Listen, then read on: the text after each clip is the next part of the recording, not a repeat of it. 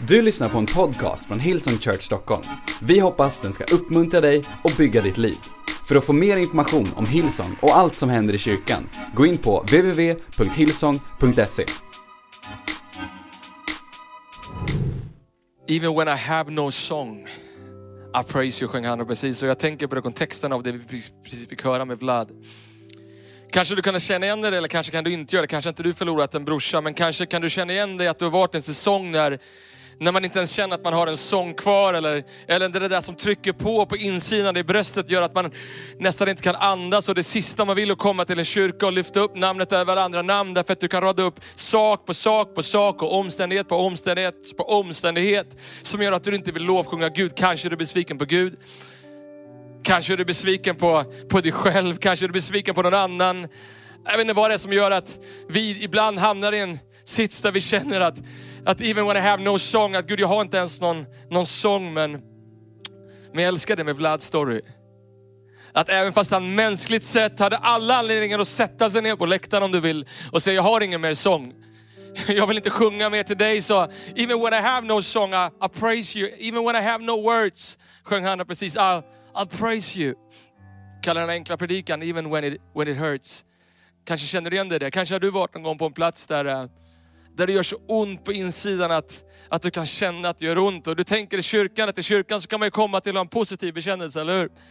Vi har lärt oss att vi ska proklamera de stora bibelorden som förvandlar och förändrar vårt sinne. Och det är sant, men vet du vad? När jag läser ett ställe som jag ska läsa för alldeles strax, så har jag sett den här veckan, att Jesus hade också alla anledningar, om han ville, att inte sjunga heller det finns ett ställe ifrån Matteus kapitel 26 som jag vill ta med dig till. Jag ska bara stanna vid det här stället. Några sekunder ska vi lovsjunga igen. Det finns ett ställe där, där Jesus mänskligt sett inte är okej. Okay. Han är inte alls okej. Okay. Han, är, han, är, han är på väg att korsfästas. Han, är, han har precis ätit middag, den sista måltiden med sina lärjungar. Han är på väg ner för berget ner mot Getsemane, en liten, liten, liten park. Kanske en 100-200 meter stor. Jag har varit där själv. Det man slås när man är där att det, allt är så nära. Allt är så nära och det står att han, är, han lämnade tolv av sina lärjungar och så tog han med sig tre. Och så gick han in i Getsemane lite längre in, vi hoppar in i storyn ifrån vers 36 så står det så här, lyssna. Sen gick Jesus med sina lärjungar till ett ställe som kallas Getsemane och, och där sa han till dem, sätt er här medan jag går bort en bit. Han tog med sig Petrus och Sebedeus båda söner, det är Jakob och Johannes. Och, så står det, lyssna här, Jesus greps nu av sorg och ångest. Hur många älskar Bastan? Hur många älskar att vi du och jag, vi lovsjunger inte Gud som, som inte kan ha medlidande, som aldrig har känt det. Vi känner, vet du vad jag älskar med Vlads story? Även fast det finns så sjukt mycket pain i det, men jag älskar att en gång kommer Vlad få träffa sin brorsa igen i himlen. Vet du vad jag också älskar? Att när han lovsjunger Jesus, så lovsjunger han en Gud som vet exakt hur du är. Som vet exakt hur du är där. Varför? Lyssna vidare. Sen gick han lite längre bort, vers 38, föll ner på sitt ansikte och bad min fader om det är möjligt, låt mig slippa denna bägare. Men låt det inte bli som jag vill, utan som du vill. Vers 40, sen kom han tillbaka till sina lärjungar och hittade dem sovandes. Han sa till Petrus, klarar ni inte ens att hålla er vakna med mig en enda timme? Kan du höra desperationen i Jesus röst? Petrus, klarar du inte ens att hålla dig vaken en timme? Vaka och be så att ni inte faller för frestelsen. Anden är villig men kroppen är svag. Så lämnade han dem och bad samma bön för andra gången. Fader i himlen, om, om det är möjligt, låt mig slippa denna bägare utan att jag måste tömma den. Men låt, låt din vilja ske. Vers 43, men när han kom tillbaka fann han dem åter sovandes. Man kunde inte hålla ögonen öppna. Han lämnade dem där för att bad för tredje gången med samma ord. Och du som kan den här storyn, du vet att bara någon vers senare så säger han att min tid är kommen och Judas kommer och pekar ut han och bara några dagar senare så hänger han på ett kors för all mänsklighets synd. Men vet du vad, när jag läser det stället så läser jag om en frälsare som inte var okej. Okay. Ibland är inte livet okej. Okay. Faktum är att det spelar ingen roll hur du ser ut, vad du gör, vad du har för jobb, om du är pastor, bibliotekarie, om du är säljare, om du, om liksom, du är sportstjärna, om du går på dagis, om du går i skolan, om du är pensionär. Vet du vad? Förr eller senare så kommer du att hamna i omständigheter där saker och ting gör så ont att det känns på utsidan och, och där man inte är okej. Okay. När jag läser om Jesus så läser jag om en man, en frälsare, som inte heller är okej. Okay. Som inte heller är okej. Okay. Och jag tänker för mig själv, när jag står här på den sista söndagen, på den sista predikan i våran kyrka 2020, att kanske fler människor än någonsin kan, kan relatera till att even when it hurts, even when I have no song. Jag vet inte vad som har gjort att, gjort att liksom den där sången har tystnat i ditt liv. Kanske är det att du har förlorat ditt jobb. Kanske har du förlorat någon under 2020 i covid-19. Kanske gick du in i 2020 med så mycket passion och så mycket kraft på insidan. Men det här året har ju varit som inget annat år. Är det inte konstigt ändå då, hur hela vårt samhälle på alla sätt säger att det är inte okej okay att säga att det inte är okej. Okay. Är det inte det? Gå in två sekunder, inte nu, men när du är klar med det här mötet, gå in och kolla på Instagram och se hur många människor som blöder ut på riktigt. Nej, nej, nej. Eller på Snapchat eller på TikTok. Vet du vad? Och så, så, och så lägger folk upp sina fem eller tio bästa sekunder och så jämför du och jag våra liksom sämsta liksom, tio sekunder med människors bästa tio sekunder. Och så tänker vi att det inte är okej okay att säga att det inte är okej. Okay. Det är inte okej okay att säga att det inte är okej. Och vissa människor tänker så här, men vad är det för pastor som har kommit hit ikväll? Jag trodde han skulle predika tro. Kom on, liksom, liksom skicka iväg honom på en tyst retreat och skicka dit någon med tro. Men vet du vad jag ser? När jag läser Matteus kapitel 26 så läser jag om en Jesus, om en frälsare som säger att det inte är okej. Okay. Faktum är att i The Message, i en, i en annan översättning, i Matteus kapitel 16, vers 20, så säger Jesus så här. Han var otröstlig. Lyssna vad han säger, jag har sån ångest att jag kunde falla ner, att jag kunde falla död ner. Kan du se det där framför dig? Jesus har lämnat nio av sina lärjungar och tagit med sig tre av dem. Han går bort till Petrus, Johannes och Jakob och säger stanna och vaka här. Min tid, min tid är snart inne. Bara stanna och vaka här. Det är så att han går ner på sina knän och säger, Fader om det är möjligt, låt den här bägaren, låt den här bägaren passera mig. Han går tillbaks till Petrus och, och Petrus har somnat. Och, och du, kan du se desperationen? Du hör desperationen i Jesus röst. Jag kunde inte varit vakna en sekund till. Jag behöver er just nu. Even when it hurts.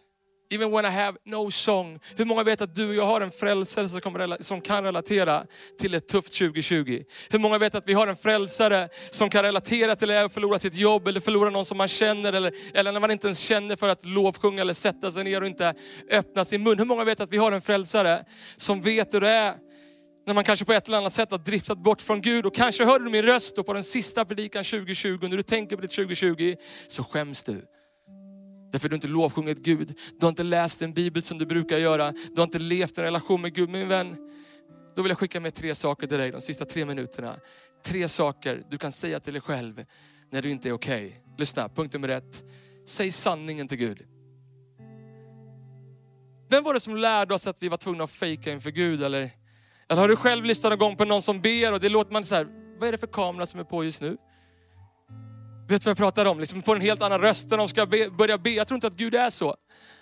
Jag, jag, och när jag läser den här storyn så använder inte Jesus liksom rätt ord. Nej, nej, nej. Han använder, jag vill ge upp ord.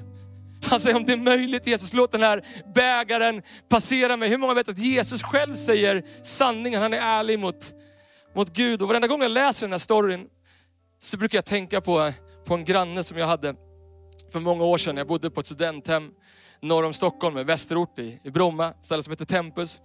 Och på det här stället så, så och shoutout till alla som, som har bott någon gång på Tempus, ett kristet hem, det är inte ett kristet hem, många kristna som bor där. Du vet, så här, någonting var fel när de byggde Tempus för att väggarna är så tunna så att jag, jag, jag tror att de är typ tunna som papper. Och, och allt hörs där igenom. Jag vet att jag bodde och på andra sidan väggen så kunde jag höra när min granne så här, stängde av sin liksom lampa på kvällen. Då vet jag att det är så lyhört. Men det jag älskade min granne, där i början, ett av de första åren jag gick med Gud, han hade en sån grym relation med Gud. Han kunde vara så här, Gud eh, jag ska bara, jag ska bara gå och mikra lite Gorbis piroger så jag kommer tillbaka alldeles strax. Liksom. Och så prata med Gud varenda dag på det sättet. Och, och, det bästa jag visste varje morgon, det var när jag gick in i duschen. För varje morgon i duschen så bad han att han skulle få en fru. Han, han vet så här, Gud jag ska ha en fru! Nu Gud, hör du vad jag säger eller? Och för mig själv tänkte jag så här, kanske en flickvän hade varit bra i början. Jag ska ha en fru! Men, men det jag älskar med den här storyn, och när jag tänker på den här grannen, så tänker jag att det är egentligen en ganska bra bild på hur Gud vill att vi ska leva med honom. Att vi ska säga sanningen till honom, att vi ska kasta våra bördor. I första Petrus kapitel 5, vers 7 så står det, och kasta alla era bekymmer på honom, för han har omsorg om er. Yeah? Even when it hurts like hell. Kasta era bekymmer på honom för han har omsorg om er. Jag inser att jag, när jag sitter ner med Vlad och, och vi bara tar tio minuter över Snapchat, om jag skulle tänka mig in två sekunder att det skulle vara min lillebror som jag älskar över allting annat, som jag har lekt med varenda dag, som är kanske min bästa vän. Min bror, om han hade gått bort, hade, hade jag kunnat sjunga som Vlad? Jag vet inte. Jag, jag, jag hoppas, men, men jag vet inte. Oftast när jag tänker på att säga sanningen till Gud så tänker jag på en gång när min fru och jag fick ett besked att, att, att barnet som var i min frus mage var, var dött. Stod på en scen som den här, vi, vi hade precis avslutat, eller vi precis avsluta det sista mötet. Det sista mötet på Nalen där vi var, en lång dag. Fem minuter innan så var jag reda på att barnet i min frus mage är dött. Och jag minns jag åkte därifrån, långt iväg från Stockholm. Jag satte mig i bilen och åkte så långt ut och jag var så arg på Gud. Och jag skrev på Gud och jag började säga, Gud har inte jag gjort det här för dig? Har jag inte liksom offrat semester? Har jag inte gett 10? Har jag inte gett 15 procent? Har jag inte varit med i Heart for the House? Har jag inte liksom tjänat det här året? Och så började jag liksom stack up allt som jag hade gjort. Du kanske känner igen dig. Kanske någon annan som har tänkt sig på 2020, hur kan det hända mig? Varför får inte jag en bostad? Varför, varför, liksom, varför öppnar inte Gud upp den där drömlägenheten till mig? Varför händer inte det för mig? Varför får inte jag den där frun? Och vet du vad som hände i mitt liv när jag gjorde det? Du vet, det finns ett före och ett efter i mitt liv, i mitt böneliv med Gud. Därför att för första gången började jag säga sanningen till Gud och, och jag märkte att, att Gud var närmare än en broder. Att han hörde min bön, att han gjorde någonting nytt i mitt hjärta. Den andra saken, till dig som inte är okej, okay, lyssna, säg sanningen till dig själv. Säg sanningen till dig själv. Kanske är det så flippat 2020 att vi, att vi liksom, du vet, och, och, och kraven på människor att passa in, så, så vi säger inte det vi det vi egentligen tänker, utan vi säger det människor tänker att vi borde säga. Och vi har gjort det så länge nu så vi har liksom manipulerat oss själva så vi vet inte längre vad som är oss själva. Men när jag läser om Jesus så säger Jesus, det här kanske är lite djupt, men lyssna. Det står i Bibeln att Gud är treen, att han är en treenig Gud, att han är Gud Fadern, Gud Sonen och Gud den helige Ande. Här ser jag Gud Sonen prata med Gud Fadern och säger om det är möjligt låt den här bägaren passera mig. Alltså Gud säger det till sig själv. Säg sanningen till dig själv. Den tredje saken, om du inte är okej, okay, lyssna. Säg sanningen till dina vänner. När jag läser den här storyn så, jag har inte sett det på det sättet förut, men det står att Jesus lämnade de tolv, han tog med sig tre, Petrus, Johannes och Jakob. Kanske de som är hans bästa vänner. Petrus som han sa att han skulle bygga sin kyrka på. Johannes som skrev att, att liksom, det finns ingen lärjunge som Jesus hade så kär som Johannes. Och Jakob som, som, som, som, som Gud lät bygga den första kyrkan i, i Jerusalem på. De kanske var hans tre bästa vänner. När någon läser så här, du vet, säg sanningen till dina vänner, så tänker du att jag ska bara liksom säga sanningen till alla vänner. Och, och alla de där 5000 människorna eller 10 000 människorna jag har på sociala medier. Men, men Jesus gjorde inte det, eller hur? Han blödde inte ut alla, han, han sa sanningen till sina närmsta vänner. Någon som hör mig ska säga sanningen till dina närmsta vänner. Jag vet hur Vlads sista månad har varit. Och jag tror att om Vlad hade stått här bredvid mig just nu så hade han sagt att utan de där närmsta vännerna i Buenos Aires och några här i, i vår kyrka i, i, i Sverige så, så vet jag inte om han har tagit sig igenom det här. Jag inser att en Vlad han har lämnat Buenos Aires och han har ingen familj utan, utan familjen är du och jag, vår kyrka älskar att han vågade säga sanningen till sina vänner. Men vet du vad jag älskar med Jesus? Att han tryckte inte på escape. Ibland brukar jag tänka som du vet den här escape-knappen längst upp på datorn. Du vet, här, ge upp. Någon människa som hör min röst har bara känt för att ge upp. Och faktum är att du vill trycka på escape på riktigt därför att du har bara hållit ner och du inte sagt till någon, du inte vågat säga till Gud, till dig själv eller till dina vänner att jag är inte okej. Okay. Du har inte vågat säga att even when it hurts like hell, I'll, I'll praise you. Vet du vad jag älskar med Jesus? Han sa inte som jag vill, utan, utan som du vill. Och kanske du tänker så när du sitter och lyssnar på mig, ja, lätt för dig att säga Erik, men han var Jesus och jag är inte Jesus. Ja, men lyssna här, vad säger Romarbrevet kapitel 8, vers 11? The, the same spirit that conquered the great now lives in you. Alltså samma ande som bodde i Jesus där i Getsemane bor nu i, i dig. Första Johannes kapitel 4, vers 4. För han som är i er är större än den som är i den här världen. Gud är i dig och samma ande som besegrade graven lever nu i dig. Det innebär att samma ande som betalade priset på korset för all våran synd bor också i dig, bor också i Vlad, bor också i en tjej som håller på att skär sig, som lyssnar på mig just nu, bor också i en kille som skäms så mycket hur du ser ut, bor också ett par som håller på att skilja sig och pratat om den här julen, att ni ska skilja er. Lyssna, kanske har Gud skickat mig rakt in i ditt, i ditt vardagsrum den här kvällen för att berätta för dig att samma ande som besegrade graven bor i dig, bor i ditt äktenskap, bor i en tjej som vill skära sig själv, bor i en kille som skäms över hur han ser ut, bor i, en, i ett par som har väntat på en lägenhet alldeles för länge, bor i någon som har varit arbetslös alldeles för länge, bor i någon som har förlorat sin mamma eller pappa eller farmor eller farfar i covid-19. The same spirit that conquered the grave now lives in you. Och vet du vad jag har märkt? Att när jag bestämmer mig för att lovsjunga Gud, även fast inte omständigheterna säger att jag borde lovsjunga Gud, så gör Gud någonting i mig. Och jag tänkte för mig själv när, jag, när vi summerar när vi summerar 2020. En av de sakerna som stod ut mest för mig var det som vi gjorde i maj. Kommer ihåg Miracle May och alla de tusentals bönämnena som kom in och vi kategoriserade alla bönämnen. Och så minns jag att jag en dag gick till vårt norra campus, jag kollade på en tre, fyra väggar och de var helt fulla av människor som skämdes över hur de såg ut. Och jag minns, jag minns det en dag, en tjej som hade skrivit så här, jag hatar hur jag ser ut. Jag hatar mitt hår, jag hatar mina öron, jag hatar min kropp, jag hatar min röst, jag hatar allting med mig. Kan ni snälla be för mig? Och när jag, när jag läser den ställen, när jag tänker tillbaka på 2020 så tänker jag på den där tjejen.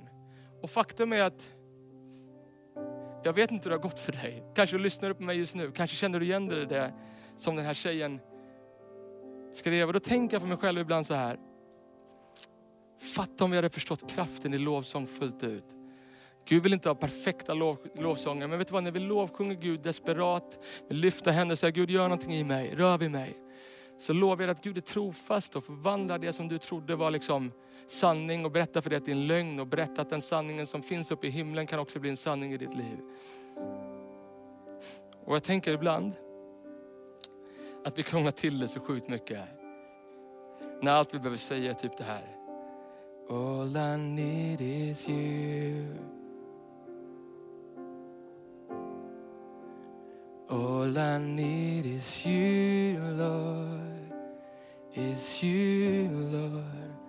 All I need is you. All I need is you, Lord. Någon som tänker på hela 2020 tycker det varit skit ska sjunga här. All I need is you, God. All I need is you, God. All I need is you, Lord. All I need is you. Någon som har suttit och tittat på kyrkan alldeles för länge ska lyfta sin röst och sjunga.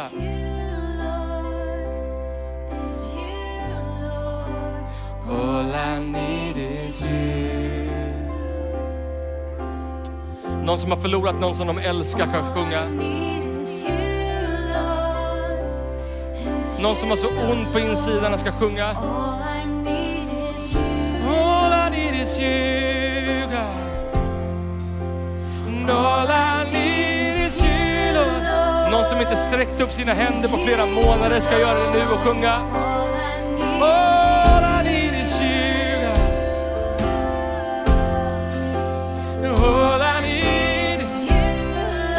Någon som är så full av synd och skam att de inte kan ens lovsjunga ska sjunga.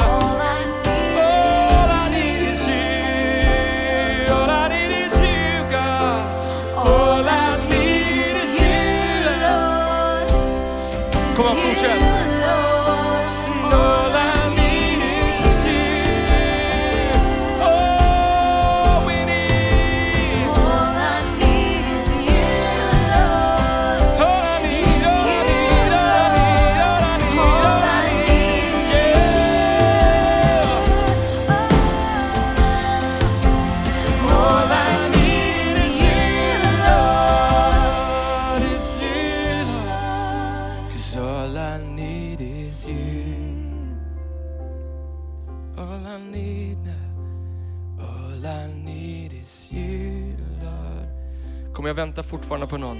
Det är fortfarande någon där hemma som ska sjunga. Varför är du tyst? Varför är du tyst? Gud älskar dig. Come on. All I need is you, Lord. Is Kom on, sjung den sista gång. All I need is you. All I need is Jesus. All I need is you, Lord. Is you,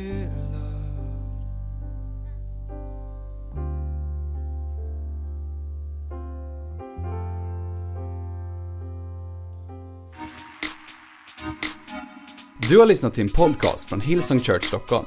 Om du vill veta mer om vår kyrka eller om våra söndagsmöten, surfa in på www.hillsong.se.